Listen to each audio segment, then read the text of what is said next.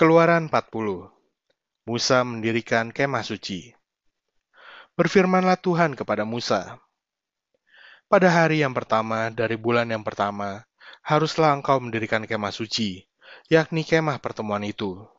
Kau tempatkanlah di dalamnya tabut hukum, dan kau pasanglah tabir sebagai penudung di depan tabut itu. Kau bawalah ke dalamnya meja, dan taruhlah di atasnya perkakas menurut susunannya Kau bawalah ke dalamnya kandil, dan kau pasang lampu-lampunya di atasnya. Kau taruhlah mesbah emas untuk membakar ukupan di depan tabut hukum. Kau gantungkanlah tirai pintu kemah suci. Kau taruhlah mesbah korban bakaran di depan pintu kemah suci, yakni kemah pertemuan itu. Kau taruhlah bejana pembasuhan di antara kemah pertemuan dan mesbah itu. Lalu kau taruhlah air ke dalamnya haruslah kau buat pelataran keliling, dan kau gantungkanlah tirai pintu gerbang pelataran itu. Kemudian kau ambillah minyak urapan, dan kau urapilah kemah suci dengan segala yang ada di dalamnya. Demikianlah harus engkau menguduskannya, dengan segala perabotannya, sehingga menjadi kudus. Juga kau urapilah mesbah korban bakaran itu dengan segala perkakasnya. Demikianlah engkau harus menguduskan mesbah itu, sehingga mesbah itu maha kudus. Juga kau rapilah bejana pembasuhan itu dengan alasnya, dan demikianlah engkau harus menguduskannya. Kemudian kau suruhlah Harun dan anak-anaknya datang ke pintu kemah pertemuan, dan kau basuhlah mereka dengan air. Kau kenakanlah pakaian yang kudus kepada Harun. Kau rapi dan kau kuduskanlah dia supaya ia memegang jabatan imam bagiku. Juga anak-anaknya kau suruhlah mendekat, dan kau kenakanlah kemeja kepada mereka. Urapilah mereka, seperti engkau mengurapi ayah mereka, supaya mereka memegang jabatan imam bagiku. Dan ini terjadi supaya berdasarkan pengurapan itu, mereka memegang jabatan imam untuk selama-lamanya turun-temurun.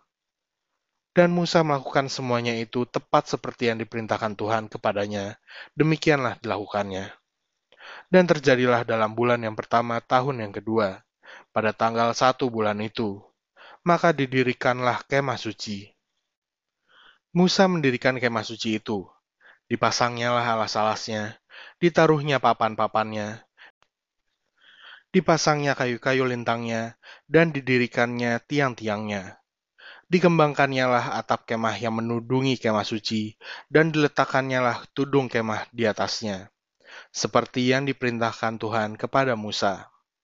Diambilnya lah loh hukum Allah, dan ditaruhnya ke dalam tabut, dikenakannya lah kayu pengusung pada tabut itu, dan diletakkannya tutup pendamaian di atas tabut itu.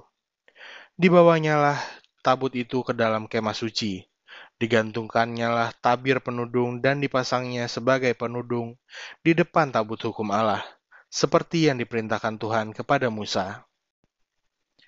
Ditaruhnya lah meja di dalam kemah pertemuan pada sisi kemah suci sebelah utara, di depan tabir itu Diletakkannya lah di atasnya roti sajian menurut susunannya di hadapan Tuhan, seperti yang diperintahkan Tuhan kepada Musa.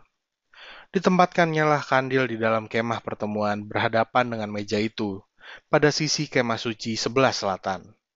Dipasangnya lah lampu-lampu di atasnya di hadapan Tuhan, seperti yang diperintahkan Tuhan kepada Musa. Ditempatkannya lah mesbah emas di dalam kemah pertemuan di depan tabir itu, Dibakarnya lah di atasnya ukupan dari wangi-wangian seperti yang diperintahkan Tuhan kepada Musa. Digantungkannya lah tirai pintu kemah suci. Mesbah korban bakaran ditempatkannya lah di depan pintu kemah suci, yakni kemah pertemuan itu. Dan dipersembahkannya lah di atasnya korban bakaran dan korban sajian, seperti yang diperintahkan Tuhan kepada Musa. Ditempatkannya lah bejana pembasuhan di antara kemah pertemuan dan mesbah itu Lalu ditaruhnyalah air ke dalamnya untuk pembasuhan. Musa dan Harun serta anak-anaknya membasuh tangan dan kaki mereka dengan air dari dalamnya. Apabila mereka masuk ke dalam kemah pertemuan dan apabila mereka datang mendekat kepada mesbah itu, maka mereka membasuh kaki dan tangan, seperti yang diperintahkan Tuhan kepada Musa.